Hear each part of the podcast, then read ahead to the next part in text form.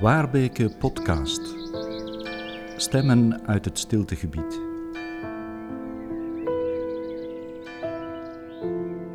We leven in tijden van polarisering en democratisch wantrouwen. Transitiepedagoge Fanny Matheusen probeert het tijd te keren door ruimte te maken voor verschil, voor de stem van de minderheid. Een gesprek over deep democracy als opmaat van de Waarbeke-conferentie 2019. En een gesprek ook over de vraag wat stilte in dat alles kan betekenen.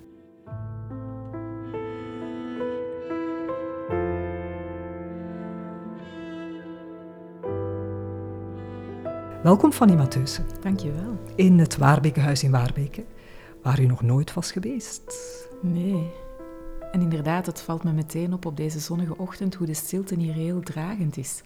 En dus ook in mijn werk heel dragend is. Een ongelooflijke kwaliteit. En hoe het internet uitviel op weg naar hier. Ja, absoluut. En ik dus letterlijk het stiltegebied uh, inreed ook. En mijn collega's uh, aan de andere kant van de wereld eventjes verloor. Ja. En hoe voelde dat? Um, het was merkwaardig, denk ik, om te voelen hoe het ook soms genoeg kan zijn of zo. Hoe het ook uitvalt op een moment dat je denkt, oké, okay, we waren er ook in het gesprek dit, dit was oké okay of zo. Dit was goed. Het was goed genoeg of zo. Want we willen altijd meer. En ik denk dat dat ook soms de kwaliteit van stilte is, dat ze ons doet beseffen dat we in het moment kunnen zijn gewoon en dat het daar goed is. We zijn in het moment op de zolder van het Waarbekenhuis op dit moment. Ja. Um, Fanny, misschien even voorstellen. Ik uh, zei al, je bent transitiepedagoge. Um, zowel actief uh, in theorie en in praktijk. Ik lees dat je enkele boeken hebt geschreven, van zondebok naar zebra. En Mijn held is een hulpverlener. Um, ja, even toelichten, uh, waar hou je je mee bezig? Ja, de laatste tijd ben ik heel erg um, actief eigenlijk in, uh, in die methode Deep Democracy. Hè. Ik zal daar dadelijk iets meer over uitleggen ook. Um, ik ben eigenlijk de pionier in België om die methode uit te dragen, dus ben daar heel veel uh, mee aan de slag, zowel in organisaties begeleidingswerk doen, als um, ook andere mensen opleiden. Want ik vind het ook heel belangrijk om kennis te verspreiden, zeker kennis die we nu nodig hebben in de samenleving. Ik geloof heel erg dat we deep democracy nu nodig hebben. Um, ik ben in dat veld geduikeld eigenlijk heel erg vanuit diversiteitswerk. Ik ben uh, jarenlang diversiteitstrainer geweest. Uh, en in dat veld uh, ontdekten we eigenlijk gaandeweg um, dat er een punt was waarop we heel moeilijk um, in, bij groepen een verschil konden maken eigenlijk. Waar dat we merkten van, als, als op het einde van de rit werd gevraagd van wat hebben we nu geleerd, dat er eigenlijk een soort punt was waarop mensen toch het heel moeilijk hadden nog om te kunnen zeggen van wat, wat heb ik nu eigenlijk gehad aan deze training of aan deze vorming. Ik lijk toch nog wel op één punt te worstelen. En dat punt was voor ons heel erg, als we dat onderzochten ook, conflicthanteringscapaciteit. Het conflict durven aangaan, durven in de spanning staan. En ja, ik ben dan zelf op zoek gegaan ook een beetje naar wat zou ons daarin kunnen helpen. En ben natuurlijk ook op het pad gekomen van verbindende communicatie, geweldloze communicatie. Um, en een aantal specifieke werkvormen rond conflict en zo. Daar wat mee geëxperimenteerd, maar dat voelde zo als toch nog niet genoeg voor de spannende velden waar ik soms ook in werkte die toen ook al gepolariseerd waren, maar nu misschien nog meer dan ooit. Um, en toen ben ik zelf Deep Democracy um, op het spoor gekomen. Ik heb mijn level 1 gevolgd en ik was, uh, ik was heel erg emotioneel aangedaan eigenlijk. Het voelde als een beetje thuiskomen, als een aantal dingen die ik intuïtief denk ik al jaren deed, maar waar mensen soms naar keken als ze doet zo'n gekke interventies. Um, en toen ineens kreeg ik daar woorden voor of zo door die methode dan beter te leren kennen. En ontdekte ik dus ook collega's, en dat vind ik ook een uh, ongelooflijke rijkdom aan Deep Democracy. Het heeft zich verspreid in twintig landen op de wereld. Dus ik heb collega's wereldwijd die hiermee bezig zijn en waar we ook uitwisselen over de dingen die in de wereld vandaag gebeuren. En dat heeft ook mijn kijk op conflict en polarisering en wat er zo in de wereld aan uitdagingen zit, ook wel ongelooflijk verbreed. Dus vanuit die rijkdom dacht ik, dit wil ik niet voor mezelf houden en ben ik dat eigenlijk gewoon in België gaan verspreiden. Nu maak je mij zeer nieuwsgierig met die vreemde interventies. um, ja, we moeten zeker eens uh, dieper doorgaan, letterlijk, hè, uh, op dat uh, begrip en die methode en die filosofie, want dat is het eigenlijk allemaal, heb ik begrepen, deep democracy. Um, waar komt het vandaan? Waar is het geboren? Mm -hmm. Ik wil ehm, misschien iets vertellen rond de dubbele betekenis van het woord en zo meteen ook uh, twee mensen een stukje eren, hè, van, van wie we dan ook de dingen leren. Hè. Het komt nooit helemaal uit ons hoofd of hart, denk ik. We leren het altijd van mensen die ons zijn voorgegaan. En ik denk dat deep democracy eigenlijk, mensen vragen soms, is het een nieuwe methode? En dan zeg ik altijd, eigenlijk is het denk ik wel een nieuwe methode, maar gebaseerd op heel oude wijsheden. Dus er zijn heel veel linken eigenlijk ook naar um, oude tradities. Um, een eerste betekenis van deep democracy is eigenlijk uh, dat het woord gevallen is in een uh, wereldwerkconferentie of een World Work Conference die Arnold Mindel regelmatig organiseert. Om de twee jaar brengt hij 400, 500 mensen samen in een ruimte om te spreken over de uitdagingen uh, van de wereld vandaag. En, hij heeft die term voor het eerst gebruikt al in de jaren tachtig eigenlijk op zo'n conferentie. En daar zat ook een stuk een, een utopisch idee in, waar ik mij heel erg in kan herkennen ook dat hij vaststelde samen met de mensen in de ruimte van als we iets willen gaan doen aan de uitdaging van de wereld vandaag, dan moeten we absoluut alle stemmen kunnen horen en alle stemmen kunnen meenemen in dat gesprek. En wat we nu vandaag democratie noemen, is eigenlijk niet een vorm waarin alle stemmen worden meegenomen. Het is een, vorm van meerderheidsdemocratie, maar dat zeggen we er heel vaak niet bij. En we exporteren het ook gratuit naar andere landen onder het mom van dit is de democratie. Maar eigenlijk is het ook maar een vorm van democratie. En Mindels standpunt is, misschien is er wel meer nog te ontdekken als mensheid en kunnen we evolueren naar nieuwe vormen van democratie. Dus deep democracy heeft daarmee te maken, een ja, mogelijkheid, een, een, een nieuwe manier um, om aan democratie te doen. En daarop voortwerkend op dat basisidee van uh, deep democracy zei hij ook van... En voor mij de tweede betekenis van deep is eigenlijk dat als we met elkaar aan de slag gaan en alle stemmen willen horen, dan moeten we ons ook van bewust zijn dat we in ons hele mens zijn daar zullen staan. En dus dat we niet alleen meer stoppen um, waar ons hoofd stopt, hè, zoals we vanuit de westerse mens vaak nog bezig zijn met ik denk, dus ik ben. En denken ook dat onze gedachten ons hele wezen is, maakt Mindel ons er ook attent op eigenlijk dat onze emoties bijvoorbeeld ook een zeer rijke bron van wijsheid zijn, ook ons lichaam, onze dromen, onze fantasieën, onze verbeelding. Al die dingen zet hij eigenlijk in in groepsprocessen. Dus niet alleen rationele argumenten. Um, en dat zijn misschien de vreemde interventies waarover je sprak. Geef eens een voorbeeld. Ja, zeker. Eh, ik denk Um, een aantal dingen die wij doen in, in Deep Democracy, zeker ook als we in meer zakelijke contexten komen, worden soms aangevoeld als, als uh, wat, wat, vreemde interventies. Bijvoorbeeld um, zat ik onlangs in een, een team van allemaal uh, directeurs van een scholengroep.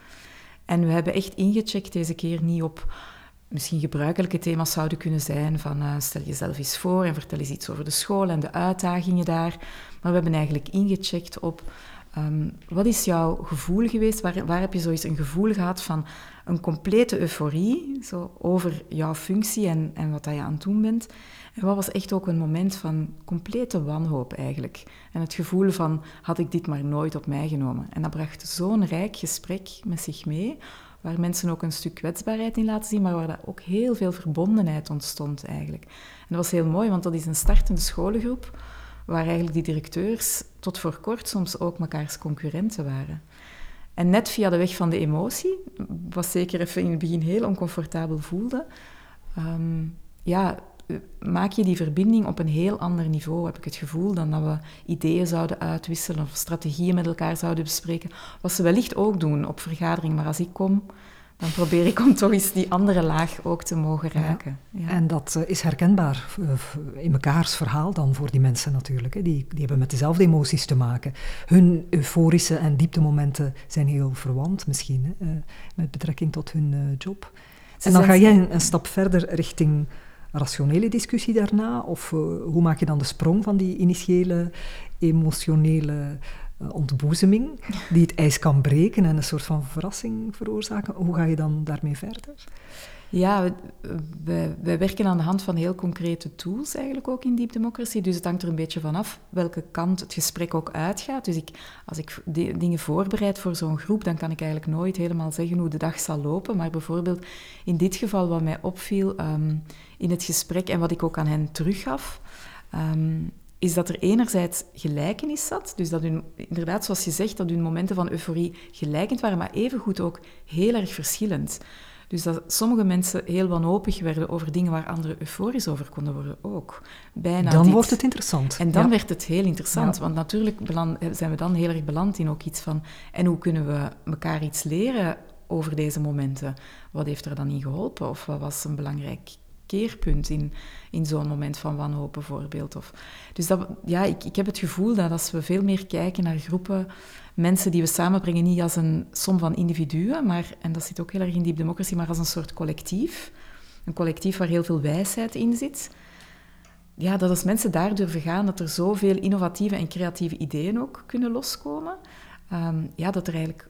Ik hoef eigenlijk niet meer de expert te zijn of zo. Vroeger werd ik nogal gevraagd om ook iets te zeggen over een bepaald thema of zo. En nu heb ik gewoon het gevoel dat ik gewoon de wijsheid uit de groep kan laten komen en dat er zoveel wijsheid al zit, waar zij eigenlijk concreet mee aan de slag kunnen gaan, die voor hen zo herkenbaar is en die je ook zo rechtstreeks naar de praktijk kan brengen, dat dat eigenlijk een hele mooie weg is om te gaan. Als mensen bereid zijn. En daar moeten wij als begeleiders van zo'n groepsproces wel heel erg op werken soms, dat die bereidheid er is. Ik, ik, vraag dat ook niet zomaar... Um, bedoel, ik kan niet aankomen en na vijf minuten zit ik daar of zo er is zo wel iets voor nodig van bereidheid ook waar je op werkt. Ja.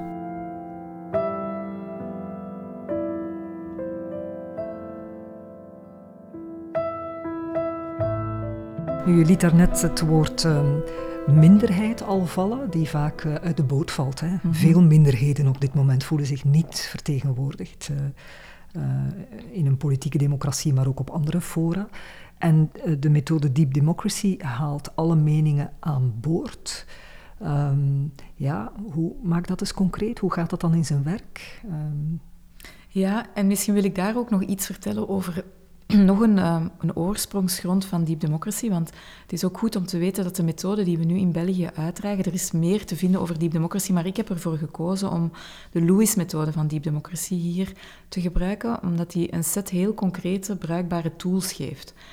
En ik denk dat we dat hier in dit landje ook zo wel prettig vinden vaak om te werken met dingen die we ook kunnen doorgeven, die een beetje stapsgewijs zijn. En daaronder zit een heel veel dieper liggende filosofie. Maar deze tools zijn eigenlijk ontstaan in Zuid-Afrika. Een land hè, waar we denk ik bij uitstek um, geconfronteerd zijn ja. geweest ja, mhm. met minderheden en hoe ze apart werden gezet, echt letterlijk, hoe, hoe uh, minderheden ook echt geen stem kregen. En deze methode is ontstaan echt net in het post-apartheidstijdsperk, waar Myrna Lewis, hè, um, nog altijd uh, mijn mentor eigenlijk op dit moment, um, voor een heel groot bedrijf heeft gewerkt dat in moeilijkheden geraakte op financieel en economisch vlak, maar ook vooral omdat er in de teams na de apartheid ineens mensen met elkaar moesten gaan samenwerken die dat nooit hadden gedaan. Ik denk dat we ons dat bijna niet kunnen voorstellen. Um, en waar dat er heel veel vooroordelen, discriminatie begon te spelen. En daar heeft zij met één team eigenlijk, ehm, met een team van twaalf mensen, twee maanden gewerkt om daar zo ongeveer door te komen door het proces. Zij volgde ondertussen ook les bij Mindel en dan heeft ze beseft van, dit is eigenlijk niet leefbaar. Ik wil mensen tools in handen geven waarmee ze eigenlijk zelf hun problemen gaandeweg kunnen oplossen. En zo is eigenlijk die heel concrete uh, toolkit eigenlijk van Deep Democracy ontstaan. En dat is waar dat we nu eigenlijk mee aan de slag gaan in termen van het omgaan met minderheidsstemmen. En voor mij die minderheidsstemmen, um, ik vind dat eigenlijk een mooi begrip om mee te werken, omdat het ook heel fluïde is. In zekere zin um, kan iedereen wel eens de minderheidsstem zijn. Tuurlijk, ja. De minderheid van vandaag is de meerderheid van morgen en vice versa. Hè? Ja, dat is heel erg uh, wisselend mhm. en ook wisselend in verschillende contexten. Mhm. En tegelijkertijd mogen we ook niet ontkennen dat macht daar een rol in speelt. Of zo. En dat zit ook heel erg in deze methode wel. Je hoort het ook, ontstaan in de post-apartheidsperiode. Ineens was het niet al bij zijn vree en was het ook niet iedereen is verschillend, iedereen is gelijk. Nee, de bestaande machtsdynamiek speelde daar nog een heel grote rol. Dus als ik vandaag bijvoorbeeld um, processen ook ga begeleiden, en ik denk aan een uh, proces dat ik gesuperviseerd heb. Ik heb zelf niet begeleid, maar mensen die door mij waren opgeleid hebben het begeleid in een straat in Borgerhout bijvoorbeeld, hè, waren er twee groepen buurtbewoners ontstaan, waar de ene groep de andere eigenlijk gewoon letterlijk weg wilde eigenlijk. En, en iets had van, eigenlijk zouden we het nog liefst hebben dat deze mensen niet bestonden of zo, zo ver ga je dan. Waar dat je kan zien dat er ook binnen zo die twee kampen ook minderheidsstemmen zijn. Hè. Mensen die dat dan extremer verwoorden of minder extreem, zeker dat. Maar ook mensen die heel specifieke minderheidsstemmen verwoorden. Zoals er bijvoorbeeld ook een mevrouwtje hè, dat al jarenlang daar woont ook en zich nog de enige witte mevrouw voelt in die straat en die zich ook heel erg ontheemd en eenzaam soms voelt en ook haar winkeltjes niet meer terugvindt en al dat soort dingen meer, die in zekere zin dus ook een minderheidsstem in dat debat is.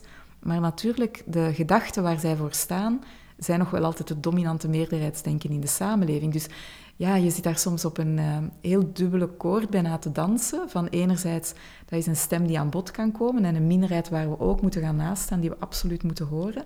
En anderzijds toch ook het besef, ja, kwantitatief is die andere groep misschien in die straat dan wel de meerderheid, maar ze hebben het zeker niet voor het zeggen in deze samenleving en voelen zich daardoor ook vaak nog in een minderheidshoekje geduwd als het erop aankomt om te zeggen wat zij willen zeggen. En dat vind ik wel heel boeiende dynamieken die voor mij, hè, komende vanuit dat werk als diversiteitstrainer, wel zo'n wereld hebben opengezet van meerderheid en minderheid. Ja, dat is uh, een, zeer relatief eh, gegeven. ja.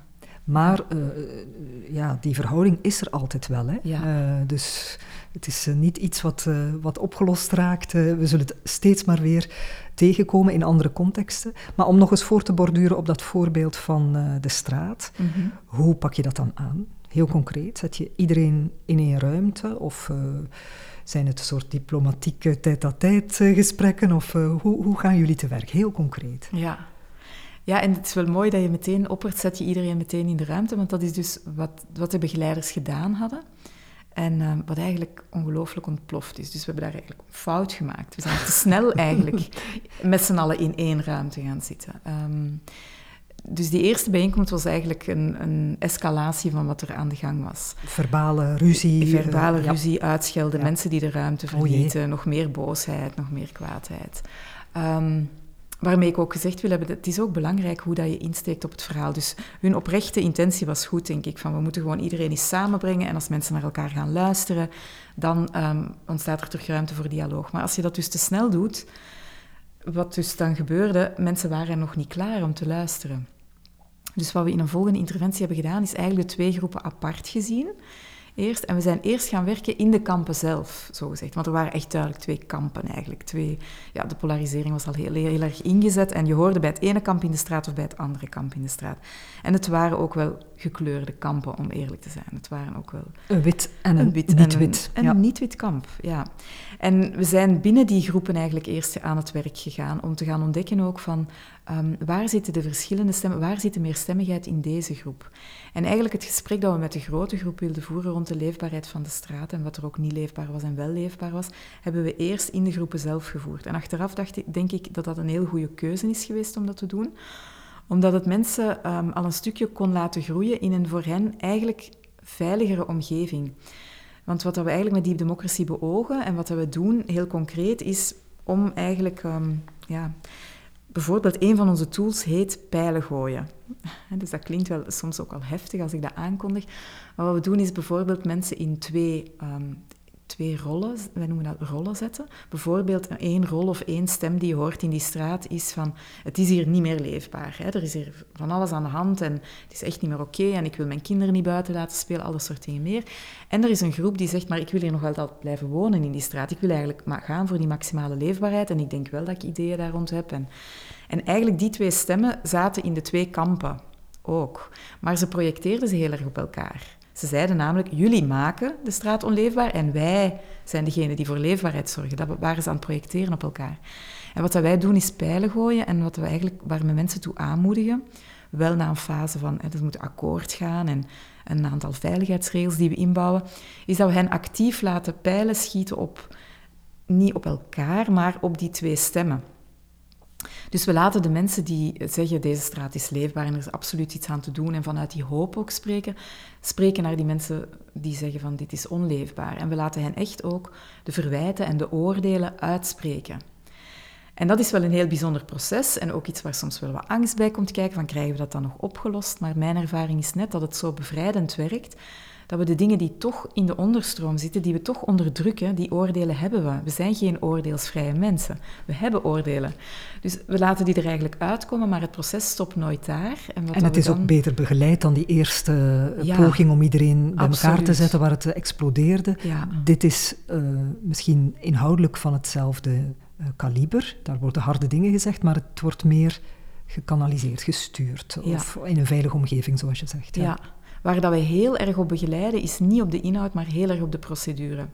En wat we bijvoorbeeld niet, niet toelaten in zo'n gesprek, is uh, dat er gepingpongd wordt want vaak schiet iemand een pijl en dan schiet iemand nog een zwaardere pijl en de ander gooit zijn bommetje en dan heeft hij gewonnen. En dat is eigenlijk zoals we gewoon zijn om te debatteren. Ja, wie het laatste woord heeft, heeft gewonnen, ja, Ja, en dat doen we in Deep Democracy niet. Dus we laten echt de ene kant alles zeggen en dan de andere kant mag dan pas spreken. En ik ga dan ook bij de kanten staan, zodanig dat het duidelijk is dat zij mogen spreken. En dan komt er eventueel nog een tweede of een derde ronde als het nodig is, maar altijd één kant spreekt eerst helemaal uit, dan de andere kant. En we geven mensen ook de mogelijkheid, en dat vind ik ook wel heel mooi om te zien soms, om van kant te wisselen. Dus als ze voelen, ik hoor hier eigenlijk niet meer thuis, ik zou ook iets kunnen zeggen van de andere kant, dan mogen ze wel aan de andere kant gaan staan. Ze mogen wel pas spreken als ik daar dan ook ben. En dat op zich is ongelooflijk helpend. Dus het moment dat ik dat zie gebeuren in een groep, dan weet ik, oké, er zijn op goede weg. Ja. ja. want mensen bewegen dus letterlijk naar de andere kant, maar er gebeurt ook iets met de beweging in hun hoofd en hart op dat moment, want ze beginnen empathie te kunnen tonen voor die andere stem in zichzelf, maar dus ook de andere stem in die andere groep. En na zo'n fase van pijlengooien, die best heftig is, gaan we gewoon vaak in een cirkel zitten. Dat is ook een moment dat ik soms wat stilte inbouw en dat ik ook zeg, praat niet met elkaar. Ga gewoon even 1, 2, 3 minuten, zolang als je nodig hebt in stilte. Sommige mensen wandelen waar rond. En als iedereen terug in de kring zit, dan doen we een moment van, het, wij noemen dat het delen van de graantjes van wijsheid. En dan vertellen we bijvoorbeeld van, die pijl heeft mij geraakt en dat heb ik er nu eens uit geleerd. Dat realiseer ik mij. En wat mensen eigenlijk doen is een stukje heelmaking of bewustwording van hoe dat die stemmetjes in zichzelf ook aan, aan het strijden zijn. En dan gaan we eigenlijk pas naar oplossingen kijken met de groep.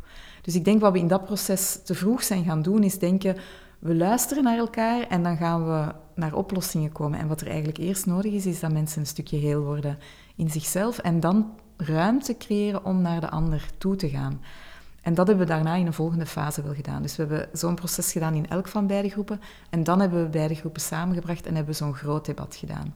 En wat het voordeel was, mensen waren de werkvorm ook al gewoon. Dat op zich zorgde ook wel voor een stukje veiligheid en comfort.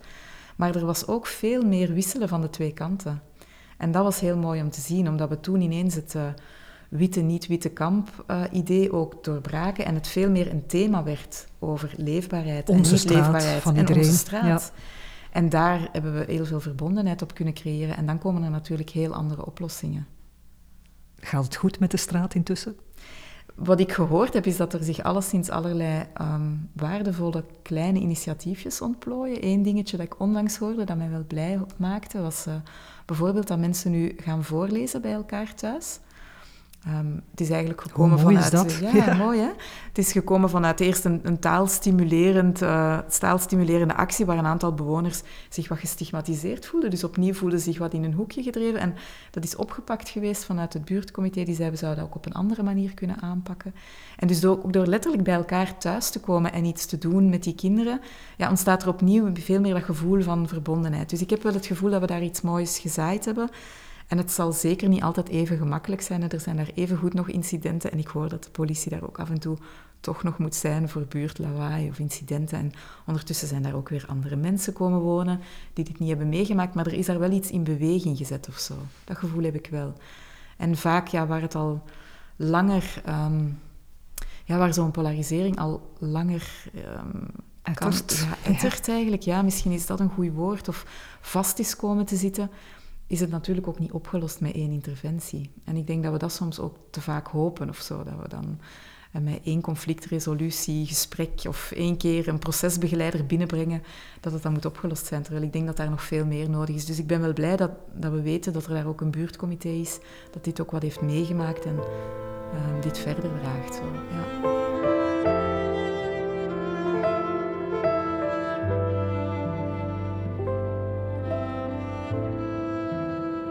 Fanny Matheusen, je schetst net een, uh, een, mooi voorbeeld in Borgerhout over een uh, begeleiding van een, uh, een, ruzie in de straat en zijn bewoners.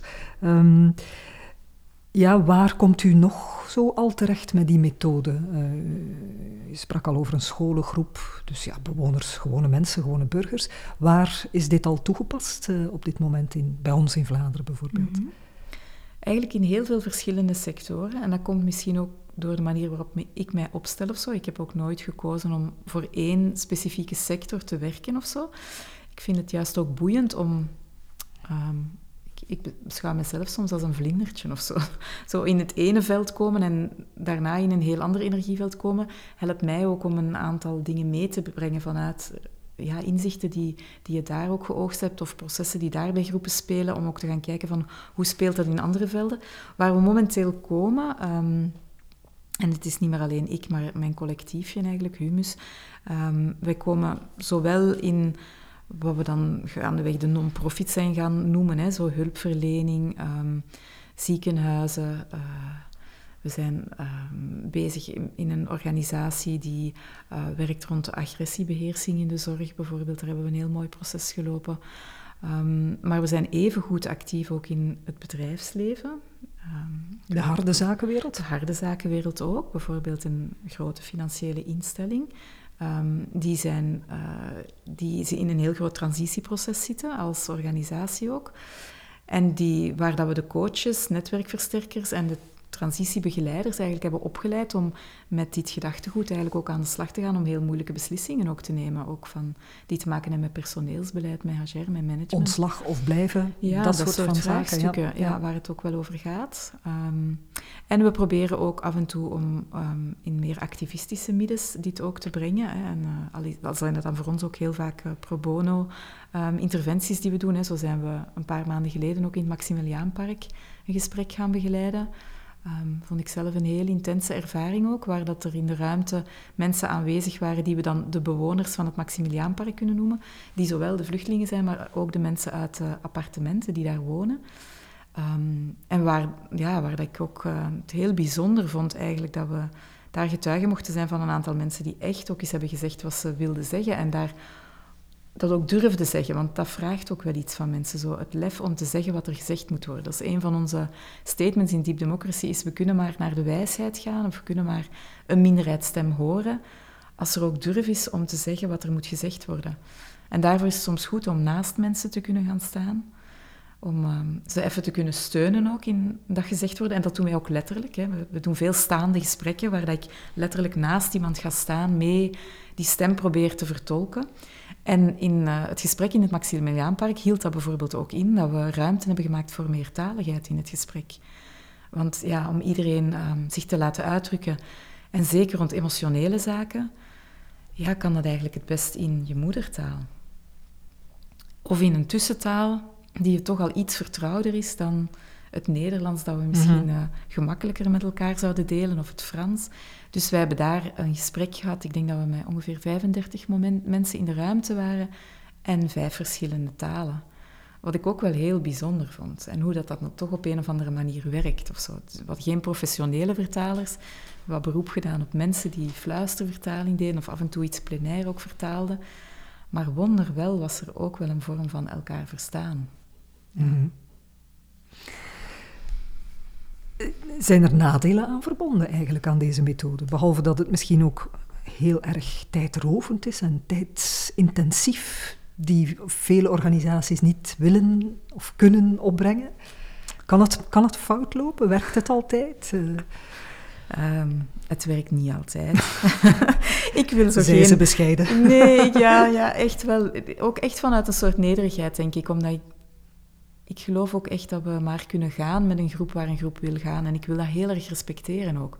Dus als het niet werkt, is het soms ook omdat mensen er nog niet aan toe zijn of zo. Um, als het soms niet werkt, is het ook omdat er toch nog um, oude machtsdynamieken het overnemen, waar ik soms ook geen vat op heb als begeleider. Als buitenstaander kom je ja, ergens kom je in een wespennest vaak, ja. Ja, en waar een, ja. een oude hiërarchische organisatie bijvoorbeeld het alsnog in handen neemt. En dus dat, dat zijn zo'n aantal factoren die wat extern zijn, maar ik denk een van de factoren die soms ook wel echt um, gezien wordt als een soort mislukken, is het woordje dat je net noemde, is die vertraging.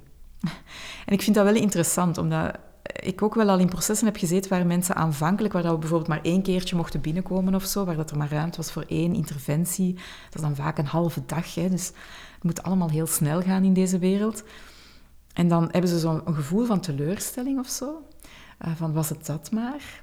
En het is dan soms maanden later dat ik een telefoontje krijg en dat ze zeiden van hoe betekenisvol was het wat we toen eigenlijk hebben gedaan. En nu realiseren we ons pas hoe het ons heeft geholpen in een aantal processen. Dus ik denk dat wat dat wij inderdaad aanbieden in Deep Democracy tijd vraagt. Dat er bereidheid moet zijn om er tijd aan te investeren. Dat het vertragend werkt. Zeker in de fase van besluitvorming. We hebben ook een bepaalde manier van besluitvorming waar we de wijsheid van de minderheid in horen. En die werkt vertragend. Maar de, het gaat veel sneller in de implementatie. En die komt natuurlijk maar achteraf. Dus soms hebben mensen het gevoel dat dit heeft niet gewerkt, om, omdat ze eigenlijk pas achteraf kunnen oogsten op het proces. En dat vind ik wel een soort omkering ook van de wereld waarin we zitten. Want als ik nu kijk naar veel organisaties, kom ik op veel plekken waar zo de ene verandering na de andere is ingevoerd. En eigenlijk is dat omdat we heel vaak vanuit een soort compromis vertrokken zijn of zo. In een verandering hebben we een beetje zus gedaan, een beetje zo, een beetje voor iedereen goed. En eigenlijk wordt het een kleurloze verandering die ons probleem niet oplost. En we, ja, we lopen ze zelfs niet uit de verandering of we komen eigenlijk al met een nieuw veranderplan. En veel organisaties zijn zo van het ene veranderplan in het andere gelopen. En ik denk, ja, wat ik een stukje wil aanbieden is eerder zo maken we niet eens tijd voor een diepgaande transitie waarin we een aantal fundamentele patronen van de organisatie eens onder de loep kunnen nemen, beslissingen kunnen nemen waar we inderdaad de wijsheid van de minderheid in meenemen, zodanig dat je ook niet van die ene verandering naar die andere holt, want dat is ook verschrikkelijk vermoeiend, denk ik. En daar krijgen mensen ook het gevoel van mislukking heel erg, denk ik. Mhm. Dus um, deep democracy is soms moeilijk om zo te zeggen van dat zijn nu onze succesjes of zo. Vaak zijn die ook wel wat op langere termijn. En dus zit ik ook weer opnieuw in een soort um, werkcontext waar we soms moeilijk meetbare resultaten kunnen uh, neerleggen. Al zijn er ook wel um, een paar, maar nog niet veel. Ik, ik ben uh, nu met een onderzoekster eigenlijk uh, aan het spreken om wel wat onderzoek te gaan doen in Vlaanderen. Maar er zijn wel een, een beetje onderzoeken wel al geweest. Uh, vooral vanuit onze eigen evaluaties eigenlijk van processen, maar ook twee doctoraatsonderzoeken zijn er ook geweest, maar dan eerder in het buitenland die wel aantonen dat er bijvoorbeeld wel effecten zijn op welbevinden en betrokkenheid op de werkvloer bijvoorbeeld. Toch ook iets waar dat we, zeker als ik over die twee sectoren sprak daarnet, hulpverlening en onderwijs, als we kijken naar burn-out De sectoren van de burn-out, hè? Ja, ja, Wel, wel belangrijk om daar rekening mee te houden. En waar dat we ook zien dat we op scoren, en dat is ook iets denk ik wat de wereld nodig heeft, is dat we deep democracy processen gaan toepassen, dat er veel meer creatieve en innovatieve oplossingen komen. Omdat we juist heel erg gaan werken ook aan de randen van het systeem, ik ben ook heel erg geïnspireerd door permacultuur-ideeën en zo. Aan de randen ontstaan de nieuwe dingen. En net door die minderheidsstemmen te betrekken, door die stemmen die altijd in de rand belanden of die onzichtbaar gemaakt worden in een organisatie, door die eigenlijk mee in te brengen in het systeem, ja, daar kan je dan wel heel veel creatieve en innovatieve ideeën uit oogsten, die soms ook werkelijke efficiëntiewinst kunnen zijn. Voor, dus dat is ook wel meetbaar soms. En daar heb ik misschien ook nog wel een voorbeeldje ja? Zal ik dat ook vertellen? Ja, graag. ja. Het is opnieuw een voorbeeldje dat ik eigenlijk, ehm, waar ik opnieuw in de rol van de supervisor zat van een van de mensen die ik had opgeleid in mijn trainingen. En uh, ze is iemand die in een ziekenhuis werkt. En in het ziekenhuis was een verbouwing van het operatiekwartier.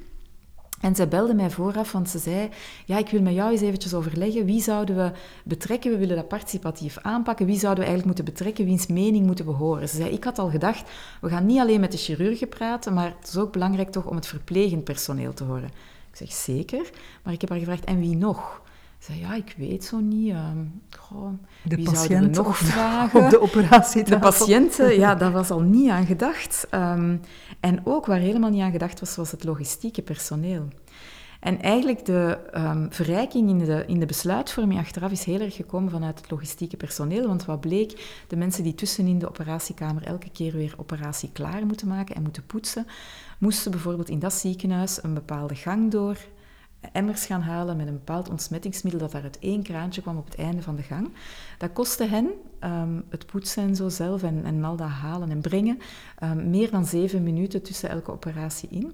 Wat gebeurd is bij de verbouwing is eigenlijk iets heel eenvoudig, maar ik denk dat niemand er was opgekomen, hadden zij niet gevraagd, is dat die kraantjes met ontsmettingsmiddel nu natuurlijk in de operatiekamer zijn ingeplant, waardoor die, die poetsbeurt nu gereduceerd is tot vier minuten. En mensen ook veel minder last hebben van rugklachten en zo. Ja, al dat soort heel praktische dingen. Dus dat is iets heel praktisch en iets heel kleins. En die wijsheid is er gekomen door die minderheidsstem Absoluut. Uh, erbij te betrekken. Ja, door die uit te nodigen en die mensen ook het recht te geven om te spreken. En ehm, ik vond het ook heel bijzonder als ze mij achteraf belden over het proces. Uh, dat veel van die mensen aanvankelijk ook hadden gezegd: ja, we moeten daar niet bij zijn of zo. Dus een minderheid heeft ook heel vaak geleerd, al in onze samenleving, dat hun stem eigenlijk geen waarde heeft. Dus daar heb je soms al overtuigingskracht voor nodig om te zorgen dat ze er willen bij zijn. Dus dat we ze uitgenodigd krijgen, dat ze ook er zijn als het besproken wordt. En dat we dus heel veel aandacht besteden ook aan: maar wat hebben jullie echt nodig? In dit gesprek om er te zijn. En de volgende vraag is dan, ja, wat heb je nodig in zo'n operatiekwartier? Maar die eerste vraag zo, wat hebben jullie al nodig om hier te mogen zijn en te durven spreken? Dat is ook een belangrijke stem, want natuurlijk ja, spreken zij ook tegen mensen die veel meer privileges hebben dan zij, die veel hoger staan op de rangorde. Dat is heel intimiderend soms om zo stemmen in de ruimte in te brengen. Mhm. Dus daar zijn we in die democratie ook heel gevoelig voor, zo voor de rangorde en de privileges die in zo'n groep aanwezig zijn en hoe je daarmee kan werken. Ja. Een van de redenen waarom die mensen misschien niet uh, staan te springen om gehoord te worden, is dat ze uh, in het verleden al de belofte hebben gekregen van uh, we luisteren naar jullie en we nemen het mee. Het meest gehoorde onzinnetje in alle vergaderingen, we nemen het mee en je ziet het nooit meer terug. Hè. Dat kent iedereen. dat, dat wekt natuurlijk frustratie en, en, misschien ook een soort van, van ja, lethargie, van het hoeft voor ons niet meer dat is natuurlijk ook een valkuil, denk ik, voor jullie methode. Want jullie halen de stemmen binnen, maar er moet ook iets mee gebeuren. In het geval van het ziekenhuis is er iets mee gebeurd, maar heb je daar zicht op? Uh... Ja, en daar kunnen we niet altijd, we zijn er niet altijd bij tot op het einde van het proces, maar we proberen daar wel ruimte voor te maken dat er ook op het einde van zo'n bijeenkomst bijvoorbeeld ook echt wel besluiten worden genomen die iedereen gehoord heeft, die ook ergens genoteerd worden en waar dat wat opvolging aan gegeven wordt. Um, want inderdaad, ik vind het ook zo'n zinnetje van we nemen het mee of we schrijven het op een flap. Of, ja, dat is vaak helemaal niet genoeg omdat het zou gebeuren. Wat ik wel ervaar is dat als, we mensen in onze processen um, meenemen, en daarnet vertelde ik over, ook over die graantjes van wijsheid zo, um, dan ontstaat er iets van bewustwording ook in, in de mens zelf. En het commitment dat daaruit komt, zo de, uh, het engagement of zo, is vaak wel veel diepgaander dan een gewoon besluit dat we dan als groep genomen hebben. Dus dat vind ik soms ook wel een verschil. Um, bijvoorbeeld een leidinggevende zei mij onlangs nog, die was bij mij de training komen volgen en die zei ja, um, normaal gezien na een teammeeting, dan heb ik heel veel aapjes op mijn schouder zitten. Heel veel dingen die ik moet doen en mijn to-do-lijstje is dan eigenlijk nog langer dan voor ik de meeting inga. Ik was altijd heel gefrustreerd met mijn meetings. Maar nu ik dit toepas, nemen mensen eigenlijk heel spontaan taken op en ze wachten niet meer op mij. En ik denk wat hij heeft gedaan, is het spreiden van de rol eigenlijk van eigen leiderschap opnemen. En dat zit in deze methode ook heel erg. Ik denk, um, daar zijn we ook zeker schatplichtig aan Zuid-Afrika, is dat het woordje empowerment er ook heel erg in zit. We proberen mensen te empoweren om hun eigen leiderschap op te nemen, om hun stem te laten horen. En dat leiderschap zit in ieder van ons eigenlijk. En dat is ook wat de wereld nu nodig heeft, is denk ik dat we allemaal een stukje van dat leiderschap ook opnemen. Um, en dat is voor sommige mensen een hele weg, want we hebben ze inderdaad soms ook door uh, ja, zo'n processen als ik neem het mee en er gebeurt niks mee, um, een beetje dat gevoel gegeven ook van het heeft geen zin om mijn stem nog te laten horen. Dus ofwel zijn die stemmen ondergronds gegaan en zijn op de, wat wij noemen, sabotagelijn gaan zitten soms. Uh, er wordt geroddeld, er worden uh, excuses gemaakt en grapjes, maar er wordt niet echt gezegd wat er moet gezegd worden. Ofwel zijn mensen ook angstig geworden om hun stem te gaan te verwoorden. En ik denk dat we daar ook niet flauw over moeten doen. Dat op veel plekken op de wereld het ook niet meer veilig is om je stem te laten horen. Um, als ik denk aan de Turkse collega's op dit moment, dan uh, zij geven cursussen Deep Democracy, maar zelfs niet meer met deze titel. Hè, omdat het heel moeilijk is om in een land als Turkije nog over democratie te mm -hmm. spreken. En zelfs als ik u nu vernoem, dan denk ik dat ze zelfs al bang zouden worden als ik hen vernoem, omdat er ook zoveel luisterende oren ook in België zijn over dit verhaal. Um, maar zelfs in ons eigen land denk ik dat de ruimte voor contestatie ja, toch soms ingeperkt wordt. Als ik gewoon kijk naar kinderen op scholen bijvoorbeeld en hoe hun stemmen soms toch wel op een vrij repressieve manier, denk ik, onderdrukt worden, dan denk ik hier is nog wel wat werk aan de winkel voor we eigenlijk uh, kunnen waarderen dat elke stem eigenlijk moet gehoord worden. Gewoon dat principe uit Deep Democracy, dat is snel gezegd, maar niet zo snel gedaan of zo. Of niet zo snel ook um, binnen een systeem gekeerd, dat idee van elke stem is het waard om gehoord te worden.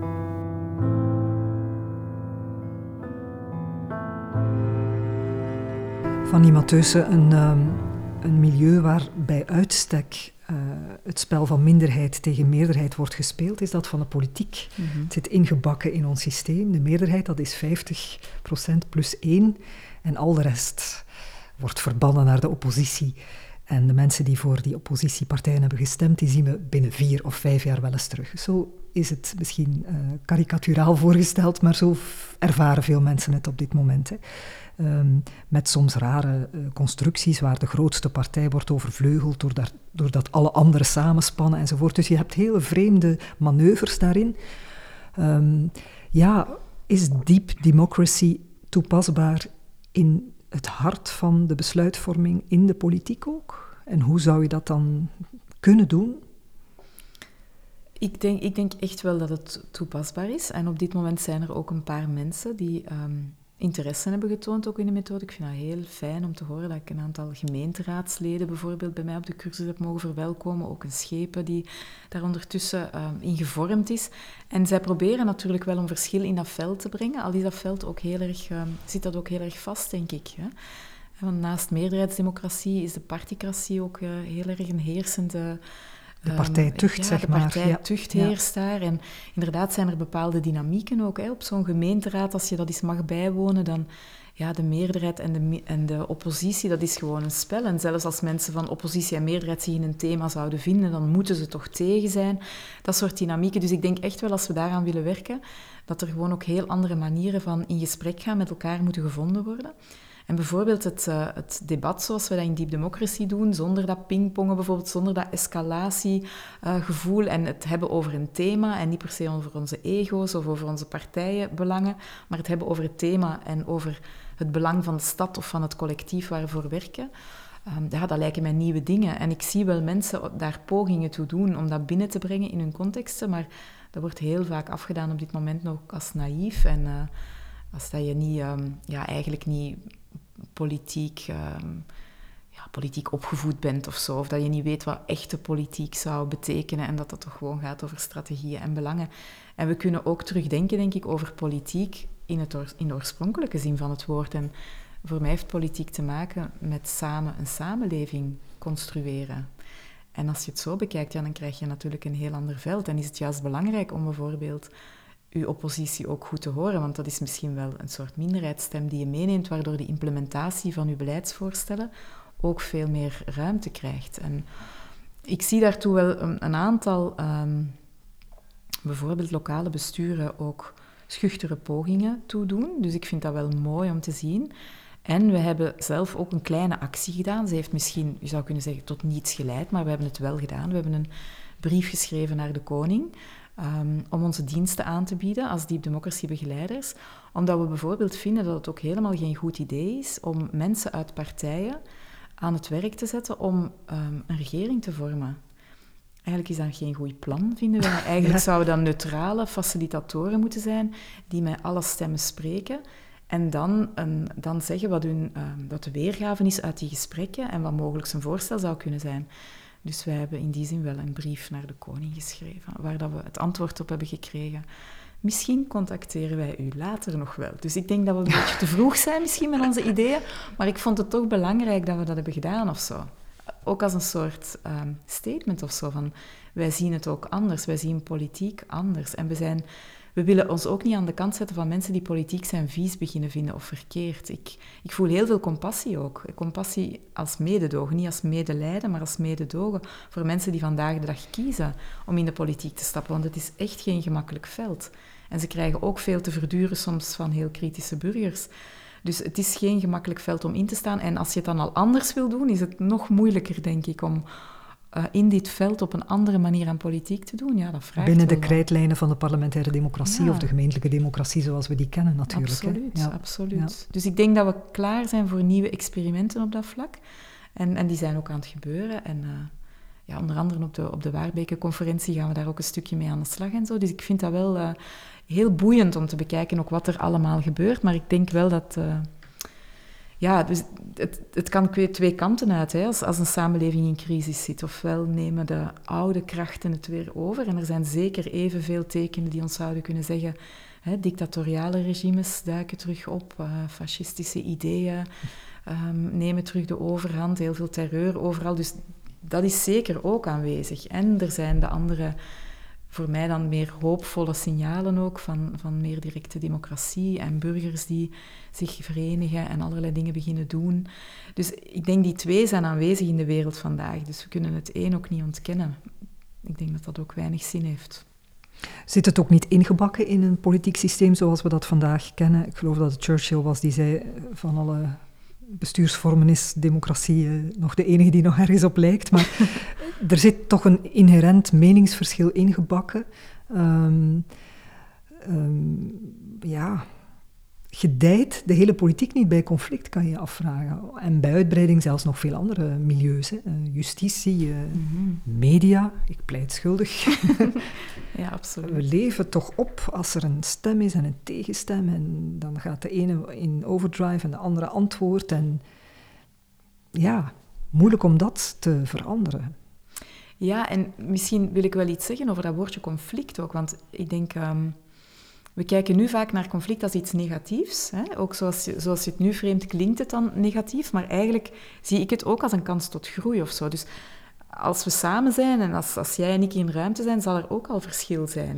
Er zijn twee mensen bij elkaar en er is een verschil in hoe ze kijken naar de wereld, in verschil in meningen of in wat ze willen op welk moment ook.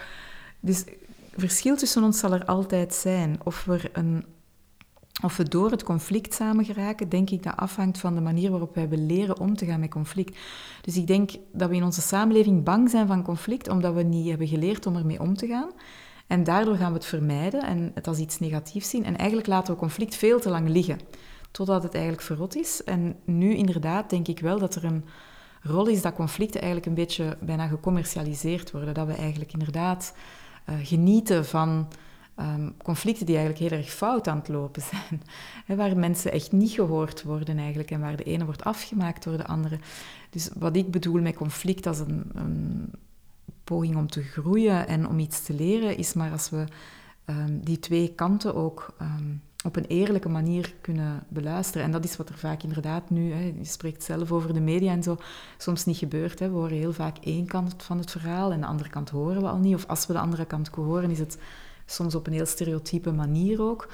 Of het is een soort verbaal steekspelvuurwerk dat uh, veel show-elementen in zich draagt, maar geen centimeter bijdraagt tot een oplossing. Nee, en wat voor mij ook geen, soms niet eens gaat over waar het eigenlijk over moet gaan of zo. Het, het lijkt wel een, um, een, een, schouwspel inderdaad, een, um, maar waar de diepere grond of zo, van waar het echt over gaat, eigenlijk niet eens ter sprake komt.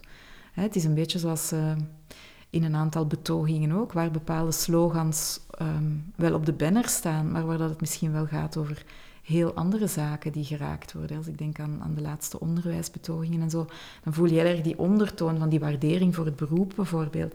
Van de leerkracht, daar moet het eigenlijk echt over gaan. Het gaat niet over pensioenen vroeger of later, of meer of minder loon of benoemingen, al dan niet, maar het gaat echt over die waardering die mensen missen voor een eigenlijk heel mooi beroep dat ze uitoefenen.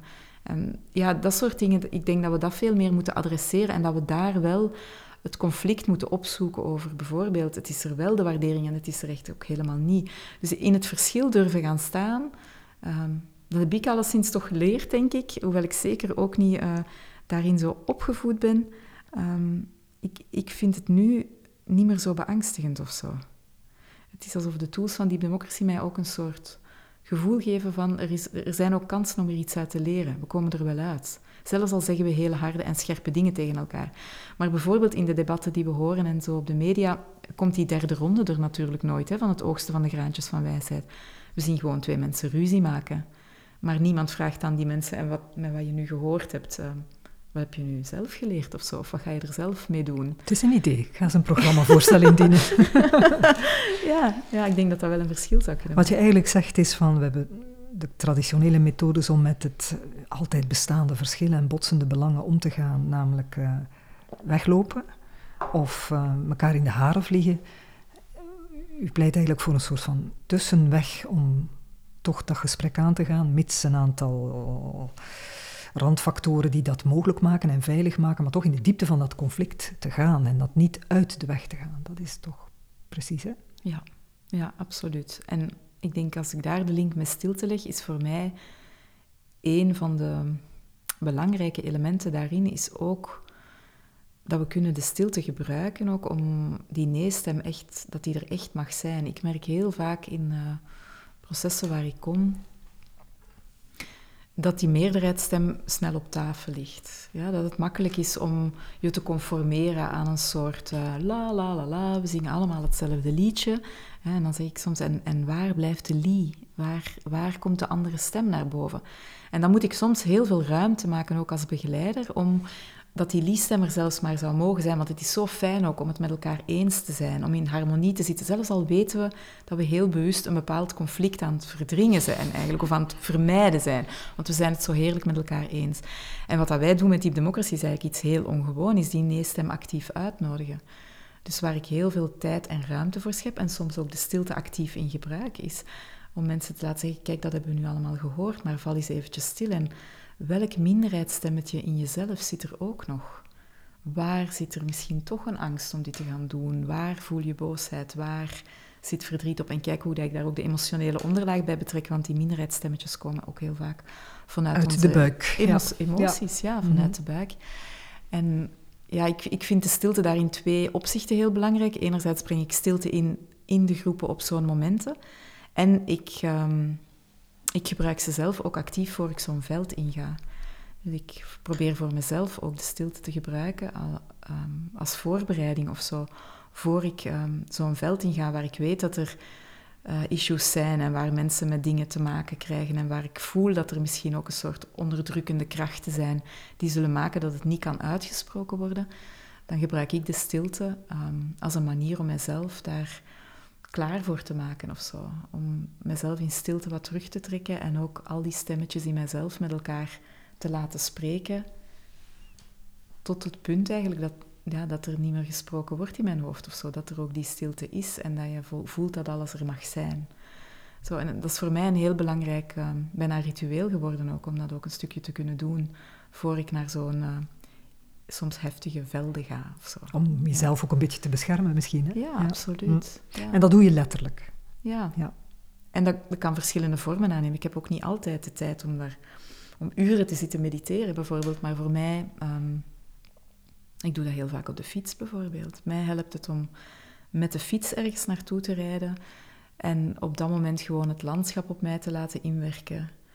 De natuur brengt me dat ook heel erg. En um, Soms doe ik daar zelfs een hele kleine oefening. Die heb ik van Arnold Mindel zelf geleerd. Ik vind het echt een boeiende oefening om te weten. Ik, ik rij bijvoorbeeld naar een organisatie. Ze hebben mij een bepaalde vraag gesteld. Om het antwoord te laten komen vanuit een, een blik die je werpt. En je focust ergens op. Iets, ergens valt je oog op. En dat te laten antwoorden. De natuurelementen laten antwoorden zo'n kleine oefening die ik soms op de fiets doe. Ik moet dan oppassen waar ik rijd, dus ik neem dan de vaart of zo, waar het wat rustig fietsen is. Ik doe dan heel even mijn ogen dicht op de fiets. En als ik ze dan open en ik zie iets, dan ga ik daar naartoe. En dat heeft mij zelf ook al heel veel gebracht. Bijvoorbeeld in de ontwikkeling van ons collectiefje. Ik ben een eh, collectief gestart met een aantal mensen om mij heen. Ehm, bij de start daarvan waren we ook heel erg aan het zoeken naar wat zijn nu eigenlijk de thema's waar we rond willen werken. En uh, ik was, toen was ik niet op de fiets, maar ik was aan het wandelen. En uh, ik, ik, dacht, ik ga mij gewoon heel, heel eventjes, ga eventjes zitten hier. Dat was in een park. En ik keek naar de bomen en ik zag in de takken van de bomen een zeshoek. En ik ben daarop beginnen focussen. En dat was echt een hele mooie zeshoek, zoals je zo een stukje uit een bijenraad kon zien. Dat vond ik dan ook al een mooi idee, dat wij eigenlijk zo'n soort bijen zijn in een bijenraad die uitzwermen en inzwermen en elkaar wil vinden in die kokon. En met die zeshoek kwamen eigenlijk heel vanzelf de zes thema's naar voren waar dat we rond willen werken. En tot op de dag van vandaag zijn we daar eigenlijk mee aan de slag gegaan. Dus zo, ja, ik vind dat ook, voor mij zijn dat ook momenten van stilte om zo'n dingen te durven laten gebeuren of zo. En dan niet, we hadden het daar net ook over gekke interventies. En als ik dat nu vertel, dan denk ik, oh, al die mensen die nu luisteren, die denken, wat een gekke vrouw die haar ogen dicht doet op haar fiets en dan zo'n gekke dingen doet. En toch helpt het, want we zijn als mens... Ehm, ja, we leven in verschillende bewustzijnskanalen. Daar ben ik ook meer en meer van overtuigd geraakt. En het tot u laten komen, de natuur die spreekt. Ehm, ja, ik vind dat wonderlijke dingen. En ik wil daar, ja, ik wil er meer voor openstaan of zo, om, om dat soort dingen ook te doen. En daarvoor moet je stilvallen en eh, zwijgen ook, hè? Ja. ja. Dus ik ben stil dan op... Ik, ik zit daar stil op een bankje en de bomen doen het werk. Hoe geweldig is dat? Ja.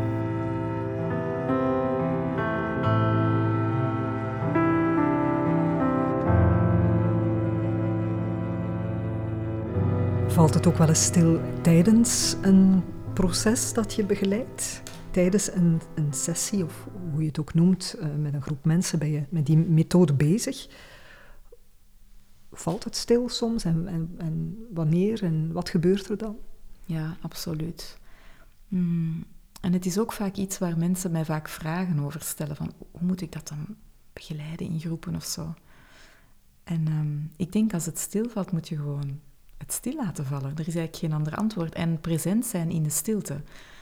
En dat is denk ik iets wat ook iets is wat je kan leren. Ik, ik denk dat ik zelf ook veel meer vroeger altijd dan bezig was in mijn hoofd met uh, wat moet ik nu doen? Next step, um, moet ik iemand een zakdoekje gaan brengen? Of moet ik iets doen? Zo. Maar eigenlijk moet je helemaal niks doen. Als er een stilte valt, moet je er vooral zijn. Um, als ik kijk naar een groep die ik vorige week begeleidde, um, dat was een tweedaagse training. En heel op het einde van de training, als we eigenlijk, uh, we noemen dat aan het uitchecken zijn op de training. Dus we kijken even terug op de training, we evalueren wat er met ons gebeurd is en we zeggen wat we nog willen zeggen tegen elkaar voor we weer uit elkaar gaan. Um, brengt iemand eigenlijk een heel emotioneel verhaal binnen. En ze zegt, na, eindelijk na deze twee dagen voel ik mij veilig genoeg om het te vertellen en ik ga het vertellen. En ze was eigenlijk uitgescholden op straat. Het was een mevrouw, om heel kort te zijn, een mevrouw die uit Zuid-Afrika hier de cursus is komen volgen, omdat ze ook Belgische familie heeft. En het was voor haar een manier om even terug haar familie te zien. En ze was hier. En uh, ze is gekleurd en uh, iemand had op straat gewoon tegen haar geroepen: Ga je gezicht eens wassen, je bent vies. En ze zei: Ja, dat was voor mij van in tijden van apartheid geleden um, dat ik dat meemaakte. En dat moet ik dan in een land als België meemaken, waar ik eigenlijk denk dat ik veel veiliger zou moeten zijn voor dit soort dingen dan in mijn eigen land in Zuid-Afrika. En wat er toen gebeurde in de groep was eigenlijk fenomenaal. Iedereen viel stil en een aantal mensen stonden gewoon in stilte te huilen ook. En we hebben dat gewoon ook even laten zijn. We hebben er eigenlijk niet zo heel veel woorden. We zijn niet gaan analyseren. Voelen we ons nu schuldig of schamen we ons? Of hoe vreselijk is België? En de cijfers rond um, discriminatie op straat en zo, dat hoefde er allemaal niet te zijn. Maar wel die dragende stilte van wat er met jou gebeurt is echt niet oké en is groot onrecht. En dat maakt ons ook verdrietig samen. Zo, dat was er allemaal in die stilte, onuitgesproken. Ik vind dat heel krachtige momenten, um, waar mensen heel veel dingen ook uit kunnen leren, als je hen daar toe de kans geeft. Hè. Dus het enige wat ik heb gedaan is na... Er viel heel veel stilte dan en er was heel veel verdriet, is dat ik iets gezegd heb van wat het mij gedaan had, hoe het mij geraakt had. En dan hebben mensen ook echt persoonlijk gedeeld hoe ze geraakt waren. Wat we niet gedaan hebben, is haar gaan troosten, want dat was niet haar vraag. Zij wilde in alle veiligheid dat met ons delen, omdat ze ons beschouwden als een groep waar, waar ze het waar kon zeggen. Ja.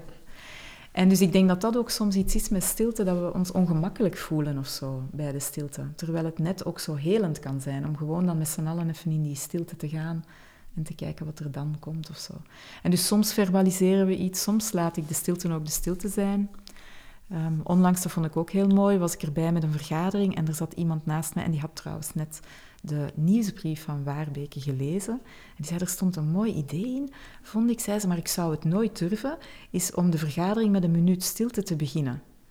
En dan heb ik haar gevraagd, wat zou je nodig hebben om het hier en nu wel te durven? En dus dat was net voor de vergadering dat ze mij dat vertelde. En dan zei ze, ja, wat ik eigenlijk nodig heb, is dat we het misschien samen doen. Wil je mij helpen? Ik zei, oké. en zo geschieden. Ja. En zo geschieden. En het was heel fijn om zo te starten in de vergadering. En een aantal mensen vonden het heel gek en oncomfortabel. En een aantal mensen zeiden ook, hoe zalig, dit gaan we meer doen. Ja? En daarop is een debat ontstaan over stilte en stilte op de werkvloer. Dat was eigenlijk heel mooi. Stond niet op de agenda, maar is wel een aanleiding geweest om het daarover te hebben ook. Het vergt een beetje durf, hè, als ik je zo hoor. Ja. Het komt niet vanzelf. Nee, ik denk, die durf, ja... En ik vind soms eh, een ander woordje voor durf nog lef. En ik vind dat heel mooi, omdat lef... Um, ik had er iets over gelezen en ik vertel dat nu af en toe.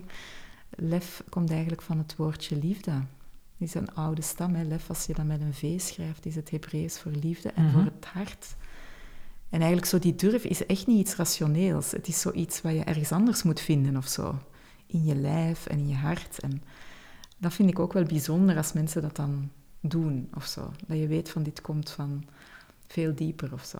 Ja, dat is mooi ook om bij te mogen zijn. Ik vind het soms echt een privilege het werk dat ik doe. Ook. Als mensen die durven aan de slag, om echt vanuit die liefde ook een aantal dingen te kunnen zeggen, zelfs al zijn het harde dingen, ja, dat vind ik wel heel bijzonder. En we zeggen trouwens ook niet alleen harde en negatieve dingen, maar we zeggen ook we spreken ook veel waardering uit in diepdemocratie, want het wordt ook altijd zo gezien als een tool die je alleen inzet bij problemen. Maar we hebben ook wel echt een techniek en die heet de gouden pijlen. Dus hmm. misschien is dat ook wel fijn om te weten. Het is niet alleen conflictstof of zo die we daarmee benaderen, maar ook waardering en erkenning. We hebben niet altijd het lef om dat tegen iemand echt te zeggen. Ook daar dat, we ons oncomfortabel ja, Een compliment geven wordt als raar uh, gezien. Hè? Ja, we wuiven het weg en we kunnen het ook niet goed ontvangen. Dus wat dat we daar te leren hebben, is vooral ook om het te ontvangen. Ja. Juist.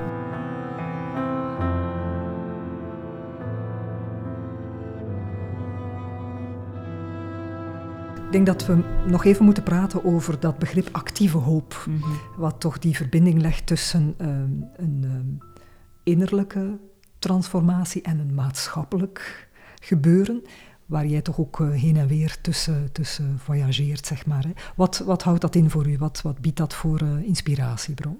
Mhm. Ja, ik, ik, geef zelf ook af en toe workshops en cursussen rond, rond dat idee van actieve hoop.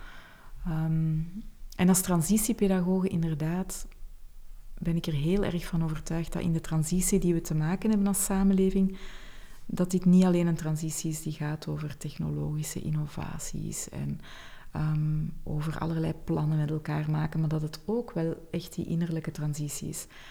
En ik vind Joanna Macy daarin een ongelooflijk inspirerende vrouw. Ik gebruik haar oefeningen ook heel vaak in groepen, ook als het niet het thema, als het thema zelfs niet ecologische transities, zijn haar oefeningen eigenlijk heel waardevol. En zij spreekt eigenlijk ook over dat we een proces maar kunnen starten en maar in het doen en in de actie kunnen gaan, als we eigenlijk ook onze emoties daar rond uh, dieper doorleefd hebben. En dat is wel iets wat ik zie ook bij mensen en ook bij mezelf, is dat um, vanuit een diepere bewustwording dat je andere dingen gaat doen ook. Um, en op dit moment zijn er zeker mensen die heel zinvolle dingen doen, ook voor het klimaat en zo. Um, maar soms met weinig bewustwording ook. En dan is het zo'n soort hype. En, de, de ene week zijn ze dan vegetariër, maar de andere week is iets anders hip en dan doen ze iets anders hip. En dat is, dat is oké en het is absoluut leuk dat er veel meer mensen mee um, inspringen, maar eigenlijk worden zo'n acties maar duurzaam als die vertrekken vanuit een, een dieper bewustzijn. En dus eh, die ruimte voor innerlijke transitie, ik denk dat dat iets is waar dat we echt... Um, ja, we zullen er een beetje voor moeten strijden, denk ik, in deze wereld, om daar ook te mogen gaan, omdat het vaak gezien wordt als iets heel soft. En dan al die mensen die op meditatiekussens zitten en zo, daar bereik je toch niet, niks mee. Of hè, zoals bijvoorbeeld de sit-in van Silence for Peace eh, ik weet niet of jij er al eens aan hebt deelgenomen, ik ook. Ik vind het een heel bijzonder iets, maar je moet wel even openstaan voor wat er dan gebeurt, voor dat energieveld. En ja, ik vind, het, ik vind het wel magisch wat er dan gebeurt en wat je soms ook dan hoort dat er op dat moment in de wereld aan het gebeuren is en zo, terwijl wij daar dan zitten. Dan denk ik, hoe bijzonder. Maar evengoed doen heel veel mensen die daarnaar staan te kijken, dat dat was, ja, wat, wat zitten die mensen daar eigenlijk te doen? En die hebben er allemaal tijd voor en, uh, ja, om, om, om zich met zo'n dingen bezig te houden. En wat verandert dan nu in de wereld? En ik denk dat we daar een stukje, ja, dat, dat, dat is wel een, een, een, gesprek, denk ik, dat we soms moeten voeren. En ik merk ook dat dat het bijvoorbeeld moeilijk maakt om ook mensen soms op mijn uh, cursussen en workshops op dat aanbod daarvoor uh, te krijgen, omdat ze het zien als het is een weg alleen naar binnen, maar wat dat Joanna Macy ons eigenlijk zegt, is het is gewoon eerst de weg naar binnen, maar die veruiterlijkt zich echt wel in een weg naar buiten. Verander de wereld, begin met jezelf, zei ja. Phil Bosmans al tientallen jaren geleden. Ehm, ja, of is het toch een wisselwerking? Ja, begin met jezelf, maar jezelf geconnecteerd met een groter geheel. Dat zou ik er dan aan willen toevoegen of zo. Want ik heb het ook wel niet zo erg voor mensen die dan het helemaal op zichzelf betrekken of zo. Of die dan ehm, ja, want dat is ook een gevaar, hè, dat je in het mediteren en in al die zaken um, jezelf zo tegenkomt dat je denkt, en nu moet ik voor mezelf gaan vooral. Ik moet vooral heel goed voor mezelf beginnen zorgen. En die trend is er zeker ook. En die past iets meer, denk ik, bij um, ja, onze geïndividualiseerde samenleving. Dus veel mensen die, die inner, dat innerlijk transitiepad opgaan, belanden niet echt, denk ik, in die weg die ik bedoel van die actieve hoop, structurele veranderingen, um, denken vanuit het collectief. En daar denk ik dat we soms een stukje van het pad missen. Hè. Dus Joanna Macy vertrekt vanuit... Um, een eerste stap bij haar is dankbaarheid om wat er is, dus heel erg die waarderende benadering. Een tweede stap is, waar dat ik het net over had, zo door de pijn van de emoties gaan. Durven uw pijn te eren eigenlijk ook en de kracht daarvan te zien. Hè. Bijvoorbeeld iemand die boos is, die verontwaardigd is, ja, die, die raakt eigenlijk aan een diepe waarde. Dus ja, wij proberen mensen te stimuleren om maar eens echt even heel boos te zijn. Om de waarde die daaronder zit, waar ben je dan zo boos over, om die terug te kunnen omhelzen. En die waarde ook, ehm, om dan met nieuwe ogen naar de wereld te kijken. En het is die stap die ik soms mis in ehm, meer op zichzelf gerichte uh, gemeenschappen van innerlijke transitie, is als wij gaan kijken, met nieuwe ogen gaan kijken, dan gaan we kijken naar de wereld. Dus we gaan kijken van wat heeft mijn uh, bewustwording eigenlijk te maken in dat breder geheel. En hoe kan ik dan beginnen bijdragen vanuit het bewustzijn van ik behoor tot een collectief. Ik ben de wereld, maar de wereld is ook mij. En dus als ik iets zou willen toevoegen aan die uitspraak van Phil Bosmans, dan is het dat, denk ik. Keer terug daarna. En, ja, uh... en, en dan denk ik dat we Phil Bosmans kunnen verenigen met bijvoorbeeld Ubuntu, die zeggen Hè, wij ik zijn, ben omdat dus wij zijn. Ja, ja. Of, ja, jij zegt het omgekeerd. Ja, mm, dat, dat wij zijn, ja, ja. ja, wij zijn, dus ik ben of ik ben. Dus wij zijn. Ja, het is, het is ik en wij zijn één eigenlijk. En ja, Deep Democracy heeft dus ook zijn roots in, op het Afrikaanse continent. En die dat is geen gedachte, Nee, zit er ook helemaal in eigenlijk. Als je wat dieper kijkt naar de filosofie. Ja, en dat vind ik wel heel bijzonder. Ook als mensen dat um, ervaren. Als ik dan echt gewoon op werkvloeren kom... Um, dat gevoel van we zijn een collectief ook. En we hebben ook een collectief belang. En wat dat wij hier doen, al is het maar een kleine bijdrage in een ziekenhuis of in een hulpverleningsorganisatie aan dat grotere geheel in de wereld, die betekenis die ze dan daaraan kunnen geven, daar ontstaan de mooiste transities voor mij. Als ze dat kunnen doen vanuit, uh, vanuit die common ground of zo die we samen hebben, of vanuit die uitdaging die we samen voelen. En ik had daarnet dus nog een gesprek met mensen van over heel de wereld. En ons thema was um, hoe we als begeleiders in hevige processen op dit moment kunnen staan. En het ging over het veld van uh, de klimaatverandering ook. Um, en wat ik eruit haalde was ook een stukje dat... Ja, je hebt natuurlijk mensen die daar zich heel erg in engageren, die aan die heel activistische kant staan. Maar je hebt ook heel veel mensen die een beetje, hè, als, we er, als we er oordelend over spreken, die als een zombie gewoon in het dagdagelijkse bestaan zich verliezen en um, ja, gewoon verder doen alsof er niks gebeurd is, zo een stukje. Um, maar ik, wat, ik, wat ik heel erg oogste uit ons gesprek daarnet was, de crisis is zo groot aan het worden dat, we, dat het misschien ook een kans op verbinding geeft. Dat het misschien ook een soort nieuwe uitdaging voor de mensheid zou kunnen worden of zo. Omdat we toch allemaal gaan meemaken. En zelfs de mensen die nog denken nu in dat dagdagelijkse bestaan verder te kunnen, ja, over vijf jaar in Melbourne, waar een van de mensen van het gesprek uitkwam, hebben ze geen water meer. Dus ja, we zullen wel iets moeten doen, toch? Over vijf jaar, dat is bijna morgen, heb ik dan het gevoel. Dus, uh, ja, dus dat gevoel van, er zijn echt wel collectieve uitdagingen op dit moment. En we zullen daarin verschillen hoe we daar naar kijken, maar er zit ook een uitdaging in dat dat ons misschien als mensen ook weer kan verbinden. -hmm iets dat, het, uh, dat de botsende belangen overstijgt. Misschien wel.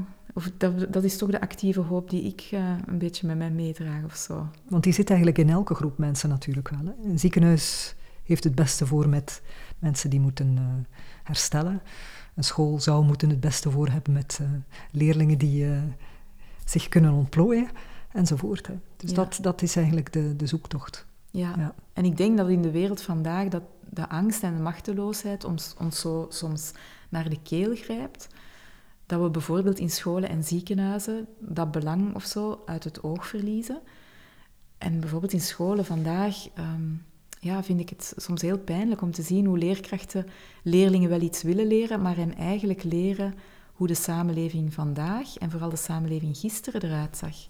Terwijl ze ook niet klaar zijn om met leerlingen te leren kijken naar die samenleving van morgen. Want dat maakt ons zo onzeker dat we daar eigenlijk de pedalen verliezen, angstig worden, machteloos worden. En dus gaan we hen maar opvoeden in de dingen die we al kennen. En ik denk dat daar echt een hele grote kentering eigenlijk... Ja, maar daar verg je natuurlijk wel een grote sprong van Absoluut. mensen die niet alleen een persoonlijke geschiedenis, maar ook een maatschappelijke geschiedenis uh, geïnterioriseerd hebben, zeg wel. Ehm, ja, we hebben altijd geleerd dat er botsende belangen zijn. Hè? En, en, en Marx heeft dat dan nog eens uh, gedocumenteerd en, en, enzovoort. Dus jouw verhaal gaat daar radicaal tegen in en zal ook niet zomaar doordringen, denk ik, heel snel. Dus dat, dat vergt toch een, een sprong, een mentale sprong. Ja, dat vergt een sprong, denk ik, van, van mensen die willen participeren in dit soort processen. En ook een sprong van mij om... Ehm, ik denk wat dat we heel erg nodig hebben in dit werk zijn twee zaken eigenlijk. Een, vorm van compassie, hè, daar sprak ik daarnet al over. Mededogen, ik moet al die stemmen kunnen horen natuurlijk. Ook die stemmen van die leerkrachten waar ik nu van zeg, ik zou het zo fijn vinden, moesten ze niet meer de samenleving van gisteren onderwijzen, maar de samenleving van morgen. Dat is een oordeel natuurlijk. Dus als ik hen mee wil betrekken in zo'n proces, is het ook belangrijk om hen te horen. Dus dat vergt van mij compassie, denk ik. Zien van, ehm, dat die stem misschien in mij ook wel zit. Dat ik dat soms ook doe om terug te vallen op mijn eigen patronen. Dus hoe meer ik mijn eigen schaduwkanten ken, hoe meer ik ook, denk ik, alle stemmen kan horen. En ook een vorm van neutraliteit. Dus dat is voor mij ook een, een soort bewustwording geworden. Nog maar iets van het laatste jaar, denk ik, dat ik ook ben beginnen beseffen dat mijn activisme... Want ik ben ook een activiste. Ik durf dat ook wel zeggen. ik, ben een, ja, ik ben een groepsbegeleider die neutraal probeert te faciliteren, maar ik ben ook erg een activist. Ik heb ook wel een idee soms van waar het naartoe moet. Maar als ik niet wil dat dat het ehm, proces van groepen in de weg staat om te zoeken naar wat hun idee is over wat er zou moeten gebeuren, dan moet ik mij ook oefenen in neutraliteit. En dus dat zit heel erg in onze methode Deep Democracy. En ik heb nu voor mezelf een beetje beslist, denk ik zo, en ik ben daarmee aan het experimenteren, dat mijn vorm van activisme is neutraal faciliteren van groepen. Dat is ook iets wat er in deze wereld moet gebeuren. Dus waar ik misschien vroeger naar, en ik heb dat nog gedaan, naar Parijs gefietst ben voor het klimaatakkoord te gaan verdedigen, uh, denk ik, is nu mijn activisme in een groep gaan staan waar er mensen zijn die dit ontkennen of er zich niks van aantrekken en hele radicale klimaatactivisten en zorgen dat die mensen met elkaar spreken. Dat is mijn activisme nu, denk ik. En daarvoor heb ik soms wat stilte in mezelf nodig om, om ook die andere stemmen daar te kunnen verwelkomen voordat ik daarin ga.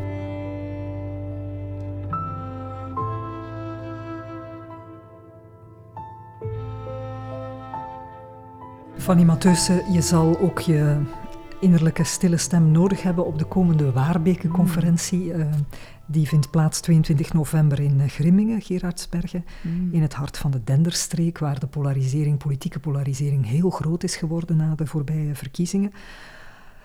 Wat hoop je te kunnen doen op de conferentie? Wat, wat zijn je plannen? Ja, ja in, in eerste instantie vind ik het al bijzonder dat we dat mogen doen of zo. Dat er ruimte is om, om dit te doen. Dat Waarweken dat ook mogelijk maakt of zo. Ik denk dat we ook in de voorbereidende gesprekken ons al heel erg hebben gerealiseerd hoe belangrijk het was om de vele stemmen te betrekken. Dus als er één ding is dat ik al hoop voor die dag, is dat er genoeg verschillende stemmen aanwezig zullen zijn. En we hebben daar al geprobeerd om zorg voor te dragen door bijvoorbeeld in de voorbereiding al... We hebben voor een andere titel gekozen. We hebben geprobeerd om met organisaties samen te werken die op hun beurt sleutelfiguren kunnen zijn, bruggen kunnen zijn, om bepaalde mensen daar te hebben. Ehm, en ik denk dat het voor mij een, een, zorg gaat zijn in die, op die dag ook, om um, inderdaad naast alle stemmen te kunnen gaan staan en ook te zorgen dat ze luid genoeg kunnen klinken ook, uh, die stemmen. Hè? Dat, dat die echt ook er mogen zijn. Want natuurlijk, doordat Waarbeke uitnodigt, frame je het al vanuit een bepaald gedachtegoed. Hè? Dus ik denk dat we daar, daarvoor heel alert zullen moeten zijn. En bijvoorbeeld met de spreekster rond wereldbeelden um, ja, betrapten we onszelf er al op als we erover spraken, zelf over het thema, dat je natuurlijk graag gezien wil worden als in één bepaald wereldbeeld. Dat lijkt dan toch beter dan die andere wereldbeelden. Dus ik denk dat we daar heel erg moeten gaan, inderdaad, naar die, het stukje zoeken van die neutraliteit. We zijn niet neutraal als mensen, maar dat er wel een soort ruimte is waar we tenminste voor die dag kunnen werken, dat er geen monopolie is op de waarheid of zo. En dat we, dat we even in die een soort leerruimte kunnen creëren, dat zou ik heel graag willen uh, proberen te faciliteren of te begeleiden. Ehm, ja, dat er een experimenteerruimte, leerruimtegevoel kan ontstaan daarvan. Laat ons daar eens allemaal ingaan en mekaars waarheden horen en daar echt naar luisteren, dat laten binnenkomen, daardoor geraakt worden. er zelf iets door leren en dan met plannen naar buiten kunnen gaan. Zo, dat is een beetje zo de spiraal waar ik wat door wil met die groep. Is van eerst even gronden in dat thema. Waar raakt ons hier? Ja, en van daaruit eigenlijk kunnen vertrekken. En dus niet te snel, ehm, als ik zou iets zou wensen voor die dag, is dat we ons oordeel wat zouden kunnen uitstellen over elkaar. En dat er, ehm, ja, dat er die ruimte om echt te luisteren ontstaat. En ik denk dat de stilte ons daarin gaat helpen. Dus wat ik als begeleider ook wil doen, is die stilte momenten ook actief gaan inbouwen. Momenten dat we aan het luisteren zijn door niet met elkaar te praten, hoe gek dat dat ook is of zo. ja. Met burgers, mensen van middenveldorganisaties, politici? Ja, voor mij zijn ze heel erg welkom ook. En we hebben daar ook over nagedacht in de aanloop van, moeten we hen dan vragen om een andere rol in te nemen en zo. Maar ik denk, ze zijn er ook um, zoals ze er zijn. En zoals ik ehm, ik ook een meervoudige identiteit heb, staan zij daar ook in hun meervoudige identiteit. Ze zijn politici en iedereen zal dat ook weten daar. Maar ze zijn natuurlijk zelf ook burgers of bezorgde vaders of wie ze ook zijn um, in wat ze ook doen. En ik, dat, dat stukje wil ik ook wel actief gaan exploreren. Dat we daar kunnen zijn vanuit die meervoudige identiteit. En dat zij ook niet altijd zullen aangesproken worden als de politici. Uh, want ik denk dat dat ook heel ongemakkelijk zou kunnen worden. Um, het is ook een soort projectie die we soms hebben vandaag op mensen die dan leiderschap opnemen of die bijvoorbeeld politieker worden. Wij projecteren ook heel veel op hen. We leggen ook heel veel van de last of van de dingen die we zelf niet willen zien op hen. En dus dat is iets waar ik wel over ga waken die dag, denk ik. Dat ik soms mensen ga vragen van, um, en spreek eens voor jezelf. Hoe is dat voor jou? Of hoe speelt dat in jouw leven? In plaats van het naar de, te snel naar de ander te gooien. Zo. Dus dat, dat is wel eentje, denk ik, waar ik uh, waakzaam rond wil zijn. Heel benieuwd ook wel wat dat wordt hoor. Want dus ja, zoals ik al zei, deep democracy, dat zijn eigenlijk onzekere processen. En die dag is voor mij ook zo'n dag. Ja, eigenlijk. Um, en ik kan me voorstellen dat er voor veel mensen ook speelt die zullen komen. Dat ze onzeker zijn en misschien ook zelfs een beetje bang zullen aankomen van wat er daar zou kunnen gebeuren of zo. Ja. Dus als we de dag opmaakten, heb ik ook met de andere mensen van Waarbeke gezegd, ja, laten we ons ook niet te vol plannen of zo. Want we, we hebben ruimte nodig om te laten gebeuren wat er moet gebeuren. En ik, ik weet het dus niet op voorhand. dus ik ben ook vooral heel benieuwd. En ik voel ook dat als ik in zo'n proces, als ik daar naartoe ga, dan ga ik er ook echt naartoe vanuit... En nu ga ik toch weer een Engels woordje gebruiken. Zo vanuit een soort beginner's mind, zo. Ja, dat helpt mij soms wel. Ik weet niet hoe we dat echt in het Nederlands kunnen zeggen, maar dat open boek, ja. op onbeschreven blad. Ja, zo'n eh, onbeschreven blad, ja. zoiets. Ja. En heel openstaan voor wat er dan gebeurt. En dan het nemen, zo, dan net te pakken krijgen. Daar wil ik die dag uh, wel een rol in spelen. Of zo. Ik denk dat, dat dat wel een van mijn kwaliteiten is. en ja, er zal ongetwijfeld sprake zijn van botsende meningen en botsende belangen en conflict. Misschien, wat zoek je dan op in de diepte? We hebben het gehad over het belang van een goede school, goed werkend ziekenhuis. Hier dan, een streek die, waar iedereen zich goed voelt. Is dat dan de bottom line van eigenlijk iedereen die hier uh, woont en werkt? En, uh... Ja, ik denk in die zin ben ik blij met de titel die we nu gekozen hebben, Uit Liefde voor de Streek. Omdat ik denk wat mensen zal samenbrengen, is toch dat ze ergens voelen dat die streek hen aanbelangt en dat ze er graag willen zijn. En natuurlijk vult iedereen dat anders in hoe dat, dat eruit ziet. En daar moeten we het met elkaar over hebben. Maar ik denk als, als die verbinding er al ergens zou kunnen zijn, dat we dat ergens kunnen voelen met elkaar, zo die liefde voor de streek, ik denk dat dat wel een heel belangrijke motor kan zijn om daar een mooie dag van te maken. Dus daar wil ik, ik, ik, mag, uh, ik mag de dag openen, ik mag de dag uh, een beetje uh, gronden of zo. En daar wil ik wel naartoe bij de start van Letterlijk de dag. gronden in ja. de streek hier. Ja. ja. We kijken er naar uit. Dank u wel, Fanny Matheusen, voor dit gesprek. Dank je wel ook. Het, is, dat verrassende wendingen voor mij. Ik had andere dingen, denk ik, voorbereid dan in het gesprek, maar zo loopt het dan in zo'n gesprek als we samen naar elkaar luisteren. Dank je wel.